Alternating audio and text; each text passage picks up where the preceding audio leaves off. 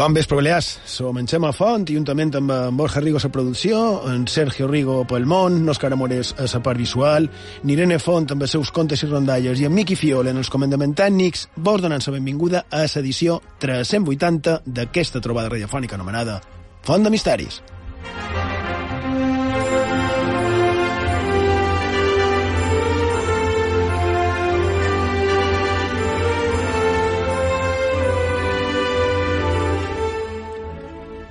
Bon vespre, Borja Rigo. Bon vespre. Sergio Rigo, bon vespre. Sergio Rigo. Sergio Rigo, bon vespre. Ha fuit. Mos ha fuit en Sergio Rigo. Bé, és igual. Mentrestant, en Miqui tracta de tornar a connectar amb ell.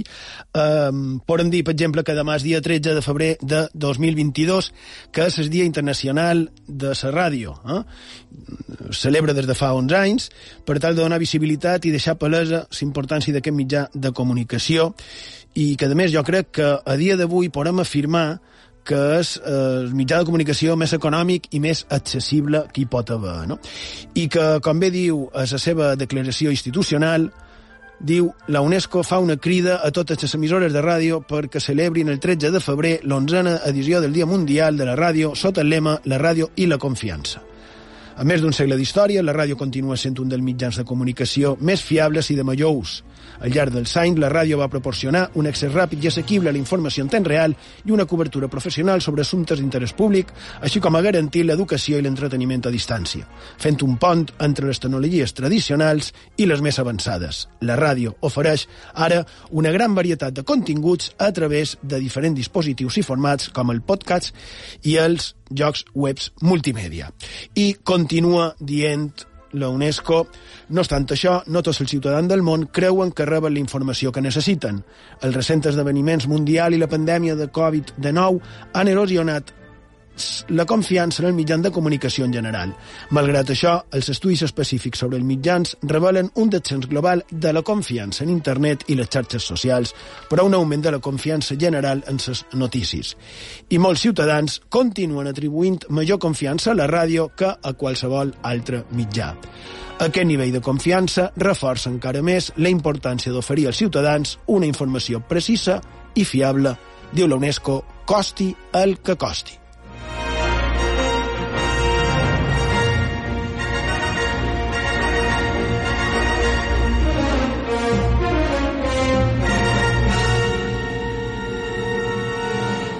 I de gràcies a totes i tots els que confieu en nosaltres, seguirem tractant de guanyar-nos dia a dia el vostre suport i, i això mateix també, no? la vostra confiança que en el nostre cas en particular mos heu donat durant aquests darrers nou anys que ja ha complit Font de Misteris en antena.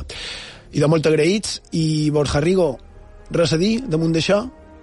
Que és un, és un plaer seguir en els micròfons de ràdio parlant de misteris i coses estranyes que tant mos agraden. Nou anys en mantener, que se diu aviat, dies ràdio, que també se diu aviat, i ara fa un moment deies que és aquesta música que és com molt alegre, molt de celebració, i de també que aquesta setmana celebram l'aniversari d'un dels nostres compositors de capçalera, com en John Williams, que ha fet 90 anys però jo crec que la música és adient al manco pel, pel començament del programa on volem celebrar això, el Dia Internacional de, de la Ràdio.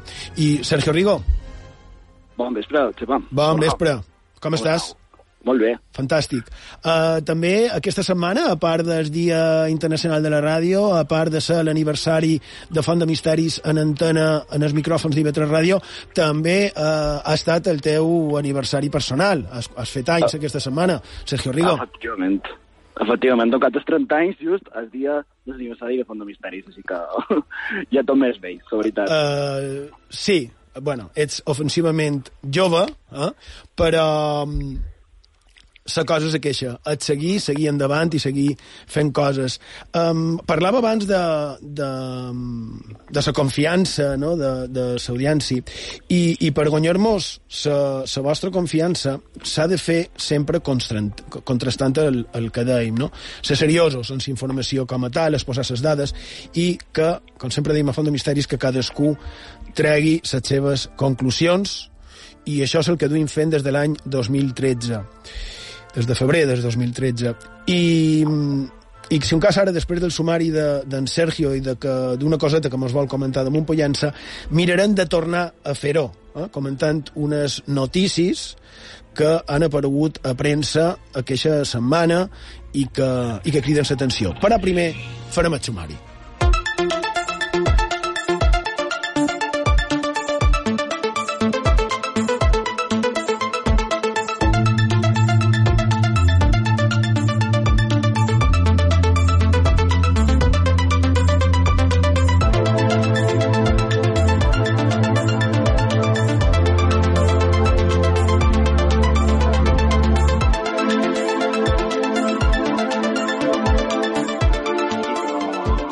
Programa 380, a més de contar-vos, com diu en Xema, alguna cosa de joc on estic avui en directe, comentarem un parell de sorprenents notícies que parlen de l'espai, fulguracions, solars i vida extraterrestre.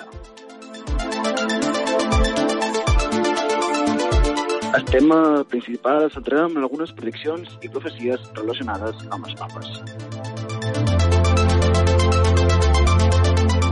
I una setmana més torna Irene Font a la seva secció Contes i Rondalles. Cada setmana ens podeu enviar tot allò que vulgueu als nostres mitjans de contacte. Ho podeu fer per WhatsApp i Telegram. El número de telèfon és 659 769 52. Ho repetim, 659 769 52. També podeu fer per correu electrònic. Apuntau fontdemisteris arroba ibetresradio.com o repetim fontdemisteris arroba ibetresradio.com. També ens podeu seguir a les xarxes socials. A Facebook i Twitter ho podeu fer cercant Font de Misteris. També a Instagram, allà me sobreu cercant Font de Misteris i Vetres. I ja sabeu també, si voleu, podeu recuperar tots els nostres programes d'aquesta desena temporada i de les anteriors i ho podeu fer en servei a la carta d'Ivetres Ràdio, a ivetresradio.com, a les diferents plataformes de podcast i a la nostra plana web fontdemisteris.com.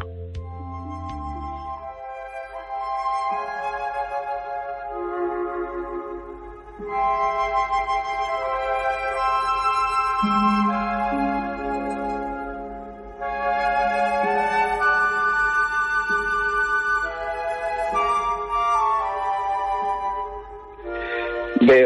Xema Borja, vos estic saludant des del carrer, concretament des de l'entrada de Pollència, un lloc màgic que encara té moltes històries per descobrir-nos. Precisament avui, a les fred que fan aquestes hores, de vespres, la veritat, és que fa fred, m'agradaria recordar una interessant afirmació que fa Mascaró Passerius, un dels grans historiadors que ha donat les nostres illes, citant precisament a l'altre historiador, el Mantanyol, una afirmació referida en el joc on me ara mateix.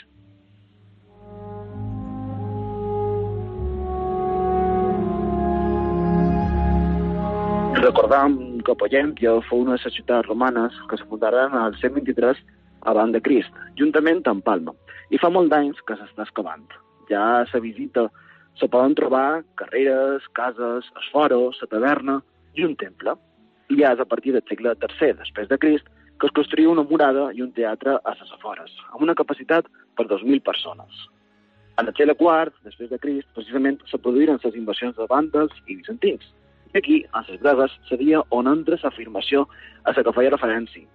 Diu just aquí, a l'oratori de Santa Anna, just aquí en el costat de Pollència. Els antics habitants deien que per les nits veien creuats esperits dels soldats romans morts en el combat per la defensa de la ciutat de Pollència en el segle IV.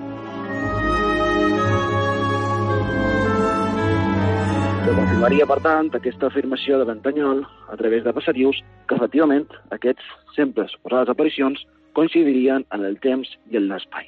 Com us pareix, Gemma Borja? I de, a part de que jo no sé si aquests suposats esperits en els que feia referència en Ventanyol i en Passerius, i, i tu també sempre que pots, que sé que és un tema que t'agrada molt, eh, no sé si aquests esperits han tractat de sabotejar la connexió i que mos han fet haver de telefonar-te per telèfon normal en lloc de en l'aplicació com, com estava previst. Però encara així ho has pogut comptar, i crec que és molt interessant, sempre ho deim, aquesta altra vessant dins la mateixa part històrica. Ara mateix tenim, per exemple, el vaixell romà que, està trobat, que se va trobar a Serenal, on s'estan fent, continuant en les investigacions i les excavacions, al igual que a Pollàntia, a Alcúdia, a Silla de Mallorca, i crec que és, eh, senzillament, mm, molt és impressionant que qualcú com en Mascaró Passerius, que alerta, Mascaró Passerius, que també va tenir la seva vessant una miqueta de mistèrica, podríem dir. És que mos agrada, al final. Mos encanta, la veritat és que sí. No, i la veritat també és que ara que en Sergio Rondo per allà, crec que seria el vespre propici perquè passés això que comentava.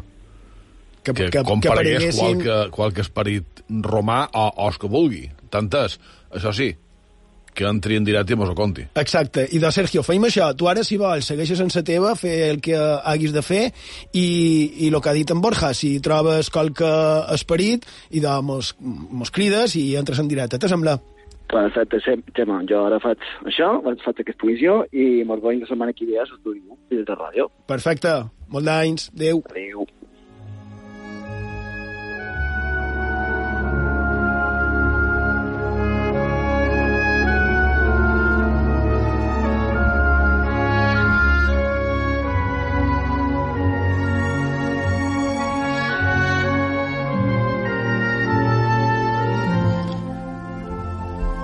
A veure, m'hi donem eh, amb altra cosa. Aquest tema, a vegades, quan el tractam, sona catastrofista o alarmista, i no, no és intenció.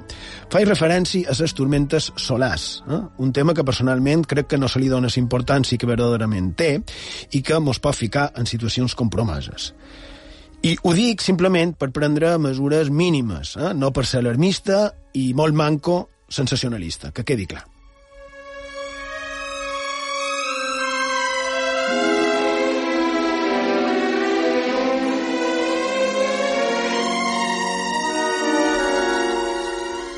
Això de les fulguracions solars, com ja han comentat en, en altres ocasions, són unes ejeccions de massa solar que provoquen tormentes electromagnètiques que, si arriben a pegar contra la Terra, poden afectar els sistemes electrònics i de comunicacions, com ja ha passat eh, anteriorment, a major o menor nivell, però ha passat. I per què vull tornar una altra vegada amb aquest tema? I de, per aquesta notícia de fa dos dies, referida també a un altre tema que també hem comentat aquí, els satèl·lits d'espais X. Eh? L'empresa que vol posar... Bé, no sé, però segons Reuters, l'agència de notícies, diu que la NASA vol pos... eh, que la NASA diu que SpaceX, eh, Elon Musk, vol posar de més 30.000 satèl·lits orbitant la Terra. Eh? Són aquella mena de línies d'estrelletes que veien de, de nit a l'espai que criden tant l'atenció. Eh? La NASA es queixa pels problemes que representen per l'observança del cel, també per sortir cap a l'espai, però hi ha un altre problema afegit, i és que resulta que el darrer llançament que es varen fer d'aquests satèl·lits, de 49 que varen ser enviats, hi ha 40 que no arribaran a on havien d'arribar, que es destruiran. I per què? I de perquè han, han sofert una tormenta solar que va fer que aquests satèl·lits no poguessin arribar a l'altura on havien de col·locar-se. I clar, està previst que caiguin i que es desintegrin contra l'atmosfera. Això és el que està previst. Jo no sé vosaltres, però això me fa plantejar-me moltes preguntes.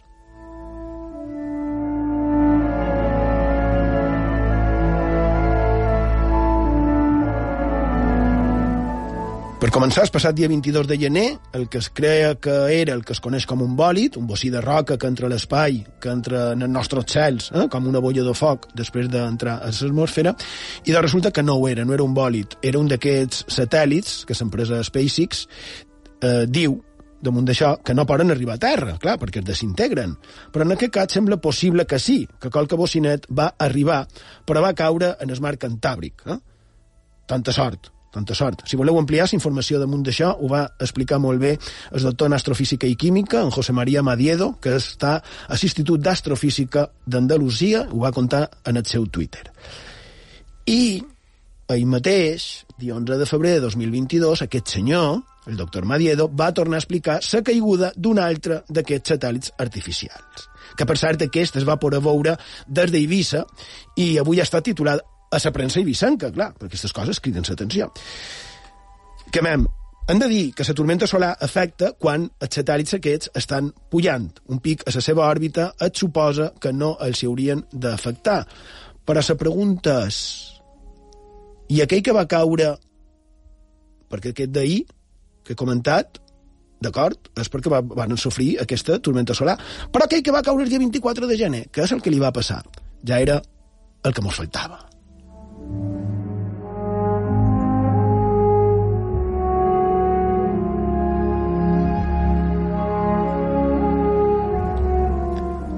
És cert que les possibilitats de que caigui a sobre qualque bocinet són mínimes, entre d'altres perquè només hi ha, podem dir, una quarta part de terra a la Terra, eh, en el món, perquè mm, la majoria és aigua.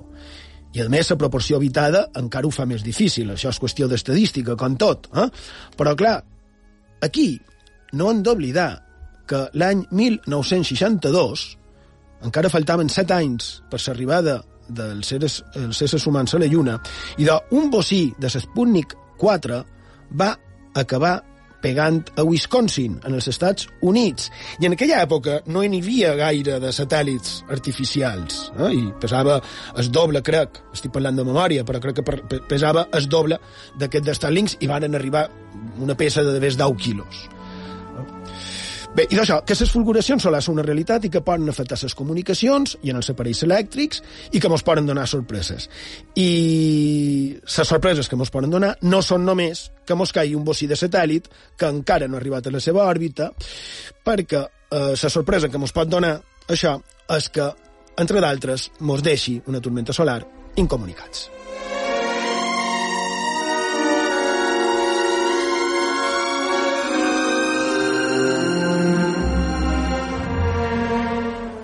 I, per altra banda, una altra notícia, publicació referida a l'espai que, que volia comentar, perquè és, eh, ha estat publicat en el diari El País, l'ha publicat Patricia Sánchez, i té aquest titular. ¿Cuándo podremos anunciar el hallazgo de vida extraterrestre? Y un subtítulo que digo cada cierto tiempo se informa del descubrimiento de vida extraterrestre para poco después caer en el olvido. El escrutinio científico en estos casos es feroz, pero es necesario que lo sea, sobre todo cuando se trata de vida inteligente.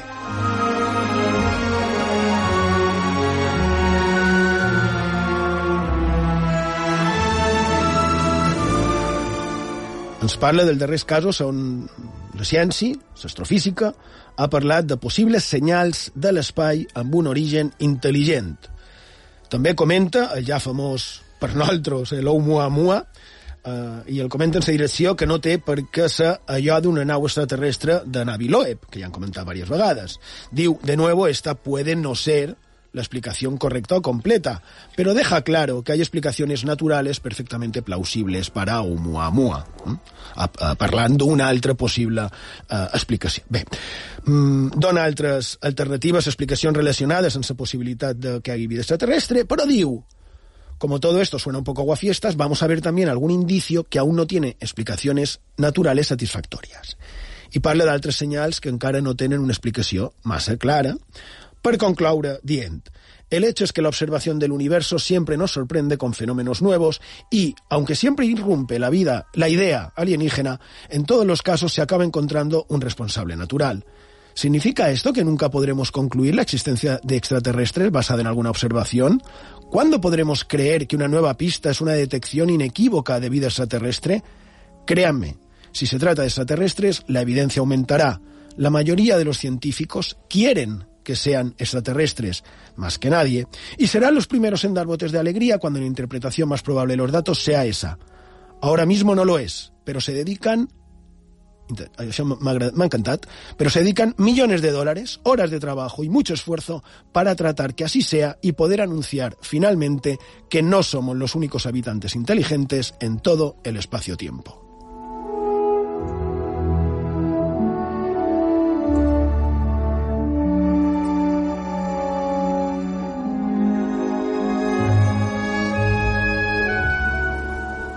Ella diu que en todos los casos se acaba encontrando un responsable natural. Jo diria un possible responsable natural, perquè de segons que no hi ha una constatació. Val?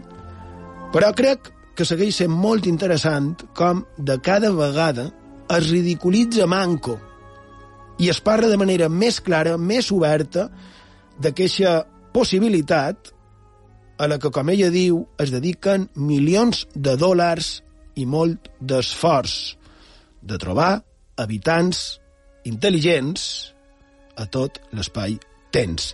Així que nosaltres, a Font de Misteris, seguirem a la White i ho contarem aquí, a IB3 Ràdio.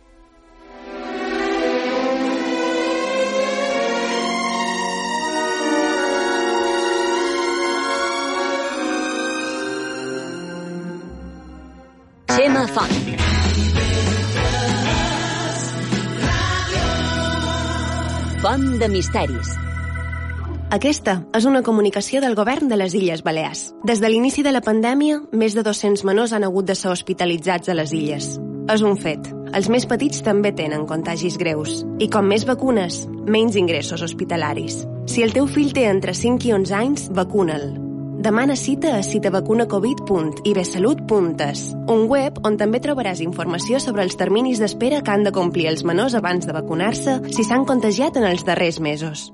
IB3 Ràdio dona carta blanca a Sebastià Samora. Aquestes lectures se solien fer dijous de cap vespre i nosaltres ja quedàvem anàvem a escoltar el poeta que hi hagués a l'Havana i no, anàvem de marxa. Ja és per lo que si facin la lectura poètica, després anar de marxa, no? I era magnífic. A IB3 Ràdio, l'animal que no existeix, amb Sebastià Samora. Cada dissabte a les 10 del vespre ens mirem l'actualitat amb distància des de l'Oasi. Mucho antes de que el Homo sapiens comenzara a poblar la Tierra, otra especie humana habitaba todo el continente euroasiático, el hombre de Neandertal. Som ciutadans tots, amants de Sant Joan, ni polítiques, ni en tot respecte dones per a mi. Una vez al año se reunían en un lugar determinado. De Sant Joan. Creemos que algunas mujeres también se reunían en estas reuniones. Per nosaltres sobres. Estem cansats, les dones, les dones, les dones. L'Oasi, el racó d'humor i sàtira d'IV3 Ràdio.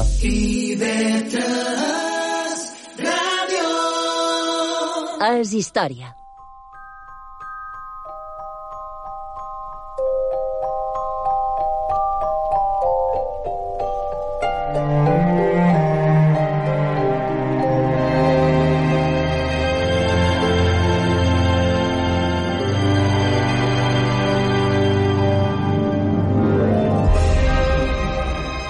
Seguim a Font de Misteris, a sintonia d'IV3 Ràdio, la ràdio pública de les Illes Balears. A Menorca mos podeu trobar en el 88.6 de la freqüència modulada i anem ara en la sessió que nosaltres anomenem Contes i Rondalles, on Irene Font cada setmana mos du qualque llegenda, qualque rondalla, hm?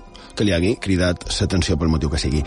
Bon vespre, Irene. Bon vespre, Xema. Què mos dus avui? Bé, i d'avui estem una setmana més amb els contes i rondalles. Per aquesta, aprofitant que es compleix el 160 aniversari del naixement de l'autor, de mossèn Antoni Maria Alcova, duc una llibre de rondalles mallorquines, del tom 12, concretament, que l'autor firmava com Jordi de Racó. Aquesta du per títol Enginy d'un qui havia fet a donació, i conta tal que així.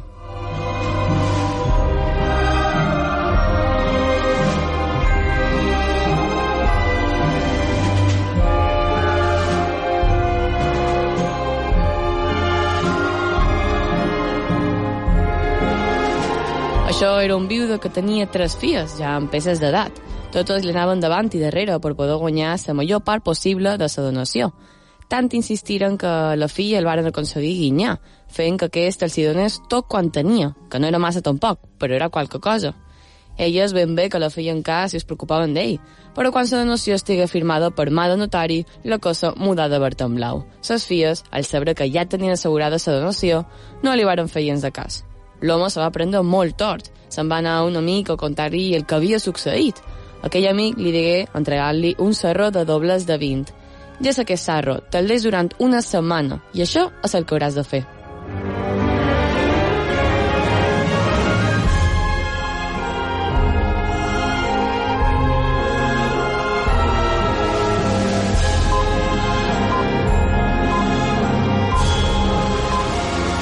Te tancaràs dins la teva habitació, escamparàs les dobles de 20 damunt la caixa i et posaràs a contar-les fent molt de renou, fent que aquestes filles teves te sentin. Quan te sentin, miraràs pel forat de la clau i veuran totes dobles estesos. Naturalment, creuran que són teus, i ja veuràs com te faran sa bona per treure'n estela. I de, aquí ve la part important. A cada una d'elles li has de dir, d'amagat de, de les altres, que si aquesta es porta bé, no es podria queixar, donant-li a entendre que tots aquells dobles li correspondrien a ella. En el vídeo li va agradar molt el pla del seu amic, així que va fer el que aquell li va dir. Va prendre serró de doblers, se'n va anar a casa seva, es va tancar dins la seva cambra i va posar el violó, és a dir, va trebar espany de la porta. Una vegada fet allò, va escampar els dobles damunt la caixa i es va posar a comptar-los, d'un en un, fent-les botar damunt la caixa. Les filles aviat sentiren el renou que, que el vell feia, i quan varen veure que aquest sortia de l'habitació, no varen dubtar en acostar-se en el portal, mirant pel forat de la clau. Els seus ulls es varen dirigir cap a aquells doblers de 20, escampats damunt la caixa. Aquelles tres dones romangueren amb els cabells drets davant de tot aquells doblers. Vaja, quina passada és aquesta, digueren totes tres. Què havia de dir que el nostre pare tingués tota aquesta doblerada i nosaltres que mos creien que li havien saupat tot fent-li fer la donació. Aquelles tres escarxelles se posaren a pensar com i de quina manera s'oferien per arribar a fer-se amb aquells doblers de 20, i tant una com l'altra resolgueren. Fer-se bona son pare per també fer-se'n amb aquella doblerada, desllevant o desponent.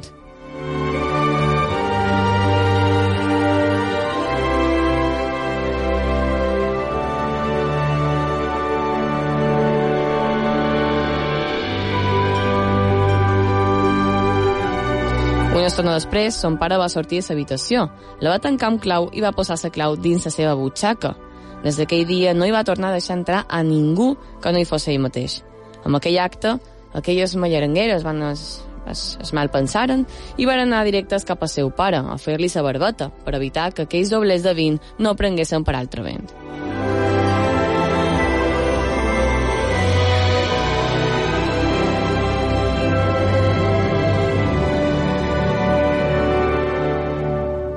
Des d'aquell moment, totes anaven rere ell. A l'hora de sopar, una d'elles li va oferir un peix, concretament, diu l'autor, un paellell per fer frit i acompanyar les sopes. El pare, encantat, li va dir que sí, que el volia. Acte seguit, aquesta rebel·lera li va comprar el peix, el va fregir i se'l va treure a son pare. Aquest només va deixar quatre espines. L'endemà de matí, un altre li va oferir un colomet farcit.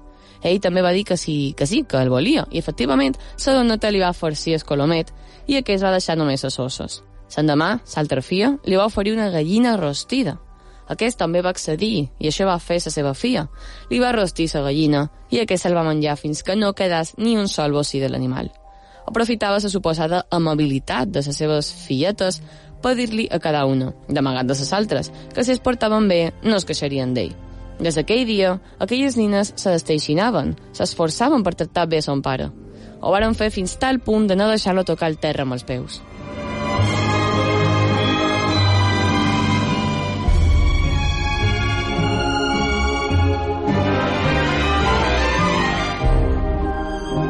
El viudo, passada aquella setmana, va agafar aquell serró de dobles de 20 i el va tornar a aquell amic, donant-li milions de gràcies per aquell consell que, que li havia donat i per haver-li deixat tenir, tenir una, una setmana aquell serró que, que l'havia obrit les portes a aconseguir que les seves filles es tractassin bé, com un bon pare.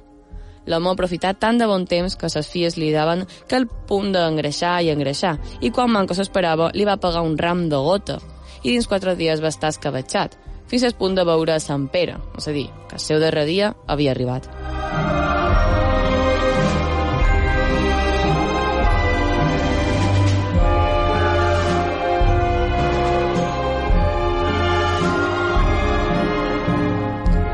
Que havien de fer les seves filles, i dos el dugueren a enterrar, i li digueren així mateix un ofici de mitja mà. Com no se fiaven una de l'altra, esperaren haver-li dit l'ofici per obrir la caixa d'esmort, on suposadament tenia la marrota plena de diners. Totes tres varen obrir el taüt on era el cos del seu pare, i per la seva sorpresa, dins la caixa no trobaren més que una grandiosa massa. La varen alçar per veure què hi havia davall, i l'únic que varen trobar va ser un paper escrit que deia aquell que donació faça, que l'esclafin el cap amb aquesta massa.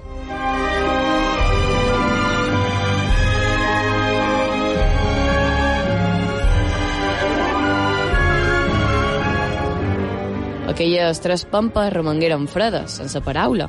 Se miraren elles amb elles i s'estimaren més no dir-ne res de per boc, que son pare els havia pagat. solament es varen veure el cop com la figuera. Era el millor poc que podien fer.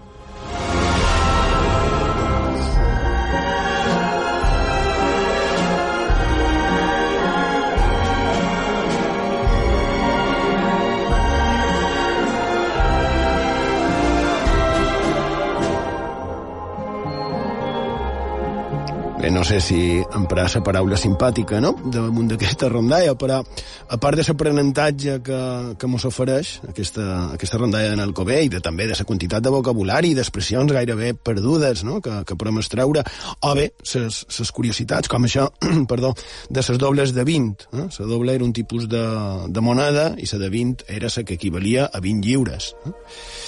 Que més dona origen a la paraula d'obbers, que és com es diu eh, els diners, els sous, a certes parts de, de Balears. No? I d'allò, damunt d'això, damunt de tota aquesta història que has contat, jo mm, crec que amb aquest, amb el que me deia allò, mon pare, que em deia que la millor herència que, que on podia deixar era l'educació, no? tenir escapat ben amoblat, i crec que tenia tota la raó. Gràcies, Irene, i fins la setmana que ve. Bé, Xema, gràcies a tu i, i sí, fins la setmana que ve.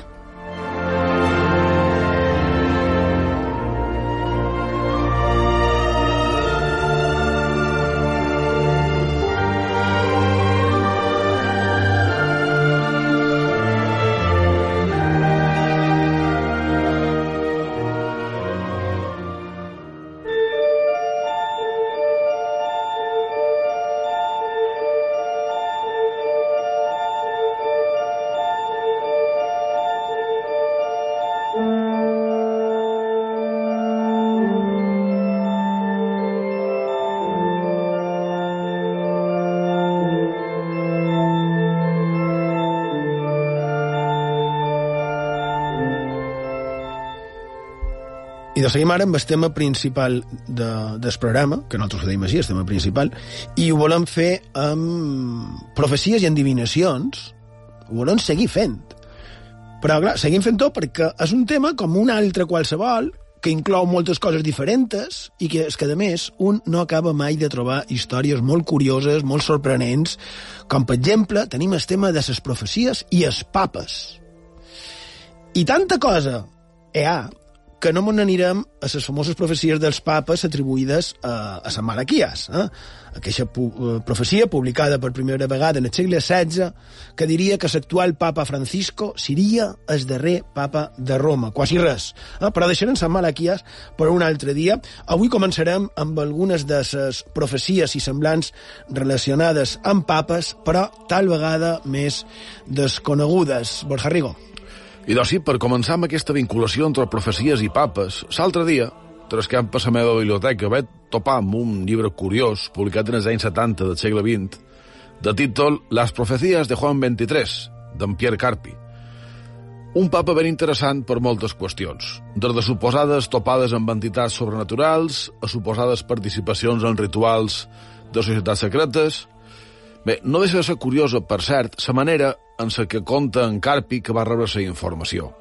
Va contar l'autor que una cinquena part del material li va ser entregat per un home vell, de llarga barba blanca, que va voler quedar a l'anonimat. Per ventura sigui una versió del futur d'en Xema Font, per la barba. Eh, segons, eh, segons conta en Carpi, moltes d'aquestes profecies formulades suposadament al voltant de l'any 1935 haurien estat encertades. En podem resumir algunes men que, que en trobam.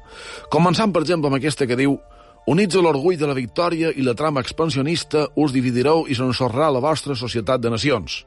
El fill de la bèstia ha sobreviscut a tres atentats, no al quart. El serveix per matar a qui odia.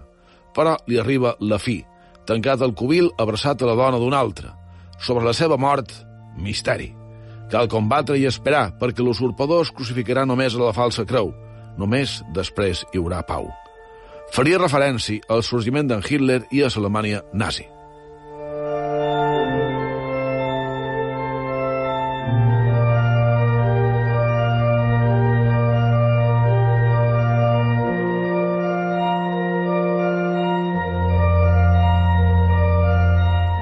Una altra en certa polèmica, ja que la versió que se pot trobar per internet a les que he consultat a Mango no se correspon a l'edició original del llibre 1977, el que, lo que trobem a la xarxa, un bon grapat de webs, diu la gran arma esclatarà a Orient produint nafes eternes.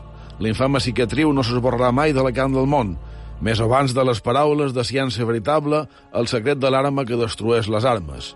Vindrà llavors un temps de pau i el nom d'Alberto s'inscriurà a la làpida. Com dèiem abans, s'han de contrastar sempre les fonts, Font de Misteris i altres. He cercat a aquesta primera edició del llibre que tenc i a la pàgina 127 trobam aquesta profecia que per començar és més llarga del que se veu a internet i per no entrar massa no fa ni una sola referència en el nom d'Alberto. Sí que parla de la gran arma que escaltarà a Orient i de la cicatriu del món, però també d'un petit zar, d'Israel, de la terra de Brahma i del rei que no va ser fi del rei. Hi ha qui desglossa aquesta profecia en diverses coses. Una part, la de la bomba, i l'altra, per exemple, la mort d'en Gandhi quan parla de a la terra de Brahma, una veu desarmada. És la consciència del món, que mai no morirà, encara que matin la seva carn. És, és curiós. Aquest papa, en Joan XXIII, hauria profetitzat també la mort d'en JFK i d'en Robert Kennedy. Diu, que haurà el president i que haurà el germà. Entre tots dos, el cadàver de l'estrella innocent. Hi ha qui sap. Pregunteu a la primera dama negra, la de l'home que la portarà a l'altar a l'illa. Seran tres els que disparin contra el president. El tercer estarà entre els tres que mataran el segon. És un fragment d'un més llarg que no deixa de ser curiós. Hi ha moltes més, clar, però per acabar aquest petit resum, el papa Joan XXIII hauria parlat suposadament també de la fi del món. Seria, segons l'autor del llibre, l'any 2033. El papa deia 20 segles més l'edat del Salvador. Ara podem fer càlculs.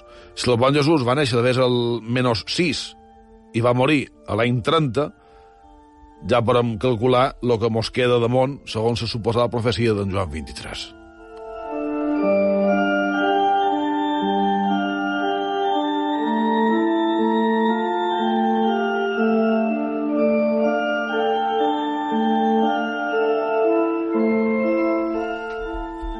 I de molt interessant, però no és per desbaratar el que has contat, a part de consultar segons quines webs, que amb això no entrarem, però això que surt en aquest llibre torna a ser, baix el meu humil punt de vista, un altre cas d'interpretació a posteriori i, a més, jo diria que en manipulació. Eh? Era l'any 1977 quan es va publicar, encara que parlava de l'any 35, i, clar, eh, el món en aquell moment era ben diferent a com és ara Bé, malauradament, en segons quins aspectes de cada pic s'assembla més. Però bé, um, moltes de les coses que surten en el llibre fa referència a successos anteriors, que ja havien succeït quan es va publicar, però poc encerta amb el que havia de venir. I mira que ho tracta d'explicar. I què he fet jo? I d'agafar, ja que parlant de papes, i de, he agafat el llibre, que jo també el tenc, a la meva biblioteca, i he agafat el que diu referit en el proper papa. Ja diu l'autor que fa referència, curiós, perquè diu l'autor que fa referència en el successor de Pau Sisá. Diu, se anuncia con alborozo al sucesor de Pablo VI, porque, como da a entender la profecía, su venida será anuncio de grandes maravillas para el mundo y de triunfos y alegrías para la Iglesia. Si això estava escrit l'any 35, per què parla del successor de Pau Sisá, si aquest era justament el papa que hi havia l'any 77, que és quan es publica el llibre?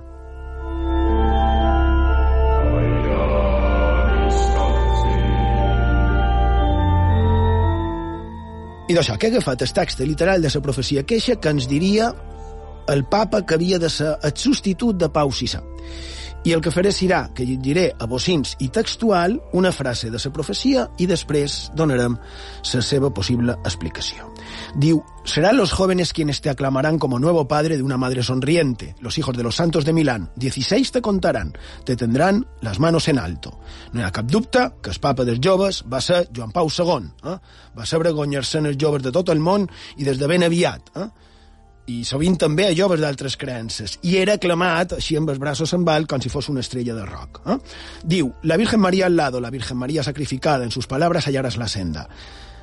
Joan Pau II era devot de la Mare de Déu, de fet el seu lema tota la vida, des de que es va quedar orfe de nin, i més l'únic lema papal que jo crec que tots recordam és el de totus tus, tot teu referit a la Mare de Déu i tant de vora d'ell estava la Mare de Déu que el dia dels de, seus atemptats que foren dos, varen ser tots dos el dia de la Mare de Déu de Fàtima, dia 13 de maig. Segueix, bendito, bendito seas, serás el padre de todos, el camino será difícil al principio, difícil será caminar Roma en días de sangre, disipar las nieblas y limpiar los sepulcros. Va ser difícil el seu pontificat en el començament, era el primer papa no italià en 400 anys, a més arribava d'un país de l'est, d'aquella Europa comunista, no? a una època de guerra freda, i, a més, a Roma acabava de morir un papa amb només un mes de pontificat que havia començat molt carismàtic hi ha una sospita de conspiració darrere, com si hagués estat assassinat, no? Curiós. Segueix. Dar un nombre sagrado a las cosas sagradas y un nombre profano a las profanas. Recibirás en tu casa un santo descalzo y harás esperar a los poderosos que te rezarán sin armas en la mano. Bé, va ser el primer en crear trobades interreligioses, va ser convidat eh, va convidar altres líders que van ser molt criticades no? per, que, per aquells que pensen que la catòlica és l'única i verdadera religió. A més, en, en més d'una ocasió va ser convidat i es va dirigir a la ONU, eh, a tots els poderosos del món que el varen rebre a un lloc de pau, sense armes. El santo hablará también para ti en cada rincón del mundo y aquí que te cubrirán las blancas flores de toda la tierra. Aquí hi ha una curiosa anècdota, perquè sabeu que existeix una raça blanca que és s'anomena així, Joan Pau II, es va popularitzar perquè la varen sembrar en el jardín de la Casa Blanca. Després diu, tuyo será el viaje el valor, el gran desafío lanzado al mundo y su inmundo príncipe, o pondràs legiones a quien lance soldados contra ti i nunca romperàs tu palabra. Bé, a el papa que més ha viatjat en diferència, va anar a puestos que ningú s'esperava, es va reunir fins i tot en Baliaca, el seu eh, el que va tractar de matar, i va visitar de 130 països, incloent Cuba, amb en Fidel Castro, que el va qualificar com a esmal de cat de l'imperialisme. Y diu també, per exemple, y te descalzarás y caminarás con el santo descalzo. Cuando divulgues la palabra de María Santísima, se cerrará tu única herida. La madre de la iglesia será madre del mundo. Ángel te llamarán. Bendito seas. Bé, i doncs això de descalç podria fer referència en els seus peregrinatges, els seus llargs viatges, però a més resulta que ell, Joan Pau II, crec que és l'únic papa que s'ha descalçat per entrar a una mesquita, a la de Damasco, on diu la tradició que es troba al cap de Sant Joan Baptista, aquell del riu Jordà, que a la iconografia recordem que sempre surt descalç, el sant tal vegada descans, descalç i parla de la seva ferida. Pot ser que faci referència en els dos atemptats, que van ser, com he dit, el dia de la Mare de Déu de Fàtima, i evidentment això d'Àngel és que, clar, fins i tot abans de la seva mort, ja se'l tenia com a sant, tan beneït com això, per ja ser sant a dia d'avui de l'Església Catòlica.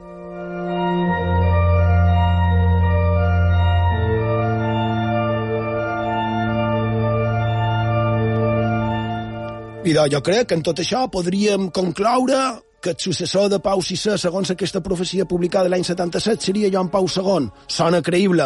I de no ho sé, però jo m'he inventat totes les explicacions. La profecia és original del llibre, però les interpretacions les he fetes jo.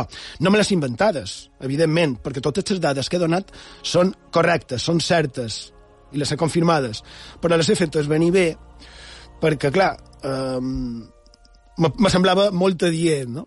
Però és que en el llibre diu que aquesta profecia serà pel successor de Pau VI, que encara era viu, com he dit quan sa publicació, i deia el llibre que es diria probablement, atenció, Benedicte.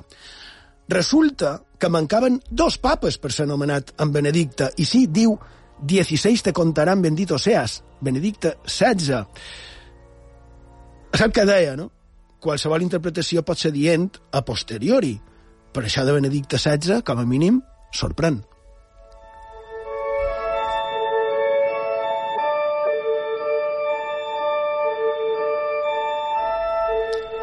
Així, la exclamación inicial, repetida en otros pasajes de la profecía, podría tomarse como una indicación del nombre del nuevo pontífice, Benedicto, pero hacia el final se dice, ángel te llamarán, es otra posible indicación del nombre y al mismo tiempo puede ser un elogio del pontífice. Se vuelve a hablar de los hijos de los santos de Milán que no he podido identificar, del mismo modo que no puedo desentrañar la frase 16 te contarán y otras muchas que se refieren seguidamente a acciones muy concretas del Papa.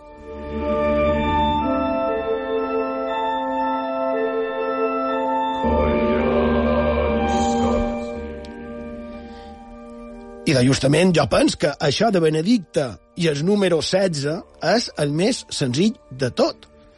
Si s'havia de dir Benedicte, havia de ser el 16, perquè va haver un Benedicte 15 que a més, a més va tenir un, un pontificat bastant mogut perquè es va ser papa durant la Primera Guerra Mundial. Per tant, el proper Benedicte havia de ser, sí o sí, en Benedicte XVI.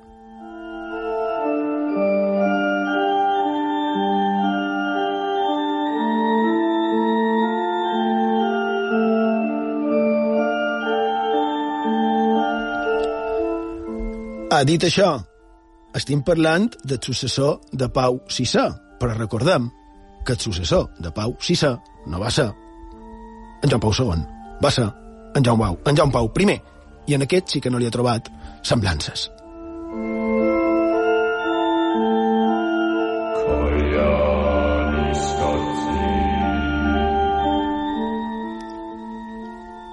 Bé, jo crec que això demostra que fàcil és manipular i, i, i fer profecies a posteriori, no? Crec que, crec que sí. De totes maneres, per la propera setmana seguirem segurament parlant de més profecies, de més papes i també relacionat amb les nostres illes, que no pot ser d'altra manera.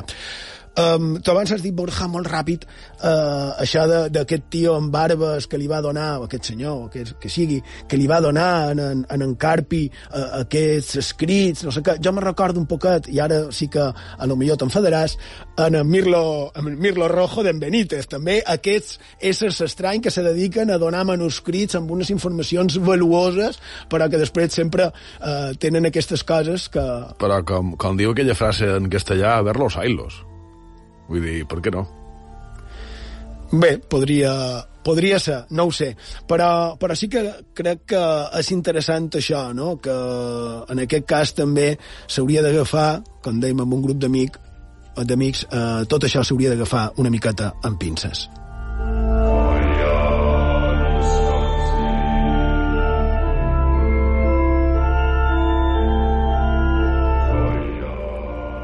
Més que res, perquè mos podem trobar que pot haver profecies i semblants que són molt catastrofistes i que mos poden mm, fer massa més por de la que ja verdaderament tenim no? en, en, en la situació, la que mos afiquen, etc etc més donada ara la situació a l'est d'Europa, etc. Així que millor som una miqueta més realistes i, i no mos deixam si pot ser manipular amb facilitat.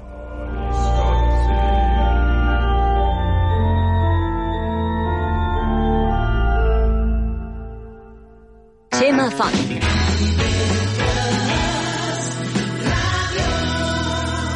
Font de misteris. Aquest diumenge, viu, a partir de les 12 del migdia, a IB3 Ràdio, Betis B, Atlètic Balears. Els de Xavi Can visiten el coe de la classificació amb l'obligació de sumar els tres punts si volen rompre la mala dinàmica i continuar la lluita per liderar la primera federació. I a partir de la una del migdia, des del pavelló segle XXI, Futbol Emotion Saragossa, Palma Futsal. Tota l'emoció del futbol i el futbol sala a IB3 Ràdio, la ràdio pública de les Illes Balears. Participa en la quarta cursa Feint quilòmetres IB3.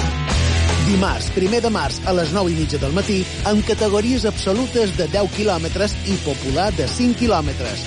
I a partir de les 11, els més joves fins a 16 anys també podran competir en distàncies de 500, 1.000 i 2.000 metres. Passa un matí diferent, divertit, fent salut al passeig del Portitxol de Palma. Quarta cursa Feint quilòmetres IB3, una cursa ram de mà a favor de sos mamàs balears. Més informació i inscripcions a eliteship.net.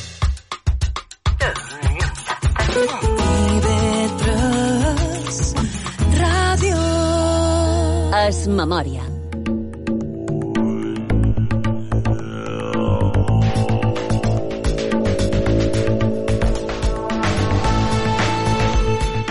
I hem arribat a la fi del programa d'avui. Esperem que hagueu passat una estona agradable i que hagueu pogut treure cosa de profit d'aquesta font de misteris. I demà, i és la detzena vegada que ho puc dir en antena, demà, com hem dit, dia 13 de febrer de 2022, és el Dia Internacional de la Ràdio.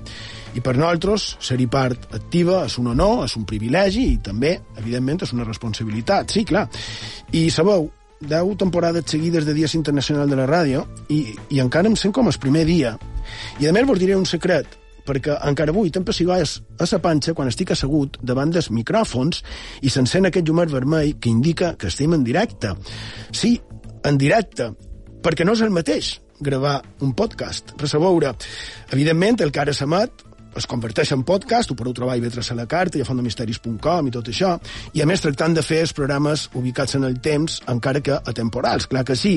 Però és que la importància de la ràdio com a tal, la ràdio clàssica, la de tota la vida, pot ser millor del que pensam. En aquests darrers anys, els moments més complicats i intensos varen ser, per les circumstàncies, evidentment, durant el confinament, el confinament més radical, en el meu cas, quan havia d'anar tot sol a, a l'espai Kegles per emetre des d'allà, no? I a més pendent de la informació, de l'actualitat, perquè encara que Font de Misteris sigui entreteniment i que la ràdio també serveixi per fer companyia, la ràdio mitjançant ones sergianes és molt més que només entretenir i acompanyar, que ja és molt, sens dubte, però és molt més. I, i durant aquests anys molta de gent mos heu fet saber, i a més aprofit ja que hi som per agrair-vos els vostres comentaris. I, I això de que la ràdio sigui fonamental, que sigui vital, que sigui ben important, de sempre ha estat així. Després està, evidentment, sus que es faci d'ella. Mm, ja sigui per exemple, dia d'avui, per emetre missatges secrets, i ho estic dient seriosament, hi ha unes emissions de ràdio des de fa anys per d'haver Rússia, que ningú sap qui és qui ho emet, o al llarg de la història, no? el fenomen de la Guerra dels Mons, per exemple, pot servir per il·lustrar una mica, o com va saber aprofitar la importància i la influència de la ràdio en Queipo de Llano, eh? quan la Guerra Civil, o també, per altra banda, com s'utilitzava per donar suport i ànims, Ràdio Andorra, eh? o la coneguda com Ràdio Pirenaica, Ràdio Espanya Independiente, es deia. O, per altra banda, en De Gaulle, per organitzar des de Londres, mitjançant la BBC, organitzar la resistència francesa quan en Petain va firmar la capitulació davant dels nazis. Bé, la ràdio sempre present, la ràdio protagonista de la història i també de la història de les nostres vides. I d'això que gràcies a tota la gent que heu fet i feis que Font de Misteri sigui una realitat i que la ràdio segueixi viva. Visca la ràdio i, per molt d'anys, de Naran Jackson, Thank God for the Radio. Gràcies a Déu per la ràdio. Allí, Pau, bona nit. Gràcies per la vostra companyia i fins la setmana que ve. On the wrong end of the highway When a long night has no end When there's no one there beside me Till I hold you once again Thank God for the radio.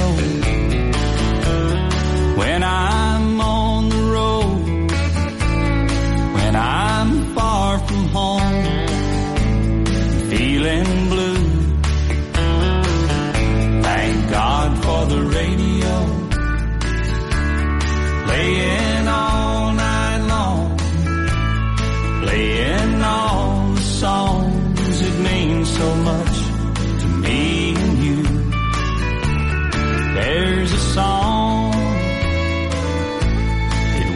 first danced to.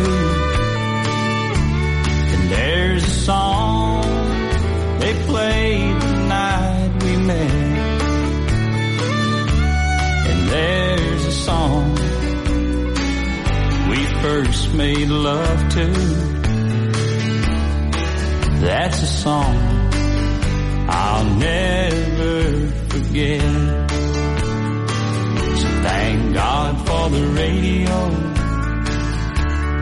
when I'm on the road, when I'm far from home, feeling blue. Thank God for the radio.